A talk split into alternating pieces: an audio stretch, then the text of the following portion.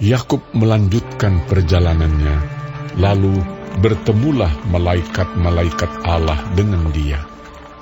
Ketika Yakub melihat mereka, berkatalah ia, Ini bala tentara Allah. Sebab itu dinamainyalah tempat itu Mahanaim. Sesudah itu Yakub menyuruh utusannya berjalan lebih dahulu mendapatkan Esau, kakaknya, ke tanah Seir, daerah Edom. Ia memerintahkan kepada mereka, Beginilah kamu katakan kepada Tuanku, kepada Esau. Beginilah kata hambamu Yakub. Aku telah tinggal pada Laban sebagai orang asing dan diam di situ selama ini. Aku telah mempunyai lembu sapi, keledai dan kambing domba, budak laki-laki dan perempuan. Dan aku menyuruh memberitahukan hal ini kepada tuanku, supaya aku mendapat kasih. Kemudian pulanglah para utusan itu kepada Yakub dan berkata, Kami telah sampai kepada kakakmu, kepada Esau, dan ia pun sedang di jalan menemui engkau, diiringi oleh empat ratus orang. Lalu sangat takutlah Yakub dan merasa sesak hati. Maka dibaginyalah orang-orangnya yang bersama-sama dengan dia. Kambing dombanya, lembu sapi dan untanya menjadi dua pasukan. Sebab pikirnya, Jika Esau datang menyerang pasukan yang satu, sehingga terpukul kalah, maka pasukan yang tinggal akan terluput. kemudian berkatalah Yakub, Ya Allah nenekku Abraham dan Allah ayahku Ishak. Ya Tuhan yang telah berfirman kepadaku, ulanglah ke negerimu serta kepada sanak saudaramu dan aku akan berbuat baik kepadamu. Sekali-kali aku tidak layak untuk menerima segala kasih dan kesetiaan yang kau tunjukkan kepada hambamu ini. Sebab aku membawa hanya tongkatku ini waktu aku menyeberangi sungai Yordan ini. Tetapi sekarang telah menjadi dua pasukan. Lepaskanlah kiranya aku dari tangan kakakku, dari tangan Esau. Sebab aku takut kepadanya. Jangan-jangan ia datang membunuh aku. Juga ibu-ibu dengan anak-anaknya. Bukankah engkau telah berfirman? tentu aku akan berbuat baik kepadamu dan menjadikan keturunanmu sebagai pasir di laut yang karena banyaknya tidak dapat dihitung. Lalu bermalamlah ia di sana pada malam itu. Kemudian diambilnyalah dari apa yang ada padanya suatu persembahan untuk Esau kakaknya, yaitu dua ratus kambing betina dan dua puluh kambing jantan, dua ratus domba betina dan dua puluh domba jantan, tiga puluh unta yang sedang menyusui beserta anak-anaknya, empat puluh lembu betina dan sepuluh lembu jantan, dua puluh keledai betina dan sepuluh keledai jantan. Diserahkannyalah semuanya itu kepada budak-budaknya untuk dijaga.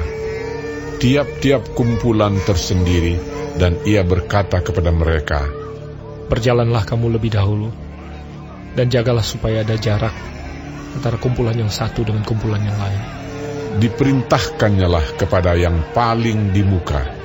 Apabila Esau, kakakku bertemu dengan engkau dan bertanya kepadamu, siapakah tuanmu dan ke manakah engkau pergi dan milik siapakah ternak yang di depanmu itu? Jawablah, milik hambamu Yakub. Inilah persembahan yang dikirim kepada tuanku Esau. Dan Yakub sendiri pun ada di belakang kami. Begitulah diperintahkannya baik kepada yang kedua maupun kepada yang ketiga dan kepada sekalian orang yang berjalan menggiring kumpulan hewan itu, katanya, Seperti perkataanku tadilah, kamu katakan kepada Esau apabila kamu berjumpa dengan dia. Dan kamu harus mengatakan juga, hambamu Yakub sendiri ada di belakang kami. sebab pikir Yakub, Baiklah, aku mendamaikan hatinya dengan persembahan yang diantarkan lebih dahulu. Kemudian barulah aku akan melihat mukanya. Mungkin ia akan menerima aku dengan baik.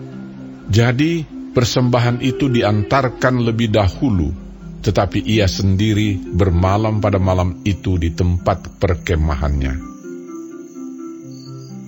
Pada malam itu Yakub bangun dan ia membawa kedua istrinya, kedua budaknya perempuan dan kesebelas anaknya, dan menyeberang di tempat penyeberangan sungai Yabok.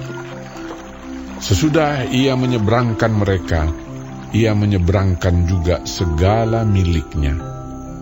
Lalu tinggallah Yakub seorang diri, dan seorang laki-laki bergulat dengan dia sampai fajar menyingsing. Ketika orang itu melihat bahwa ia tidak dapat mengalahkannya, ia memukul sendi pangkal paha Yakub, sehingga sendi pangkal paha itu terpelecok ketika ia bergulat dengan orang itu. Lalu kata orang itu, Biarkanlah aku pergi karena Fajar telah menyingsing. Sahut Yakub, Aku tidak akan membiarkan kau pergi jika kau tidak memberkati aku. Bertanyalah orang itu kepadanya. Siapakah namamu? Sahutnya. Yakub. Lalu kata orang itu, Namamu tidak akan disebutkan lagi Yakub, tetapi Israel. Sebab engkau telah bergumul melawan Allah dan manusia. Dan engkau menang. Bertanyalah Yakub, Katakanlah juga namamu. tetapi sahutnya, Mengapa engkau menanyakan namaku? lalu diberkatinyalah Yakub di situ. Yakub menamai tempat itu Peniel, sebab katanya, Aku telah melihat Allah berhadapan muka, tetapi nyawaku tertolong. Lalu tampaklah kepadanya matahari terbit ketika ia telah melewati Peniel, dan Yakub pincang karena pangkal pahanya. Itulah sebabnya sampai sekarang orang Israel tidak memakan daging yang menutupi sendi pangkal paha, karena dia telah memukul sendi pangkal paha Yakub pada otot pangkal pahanya.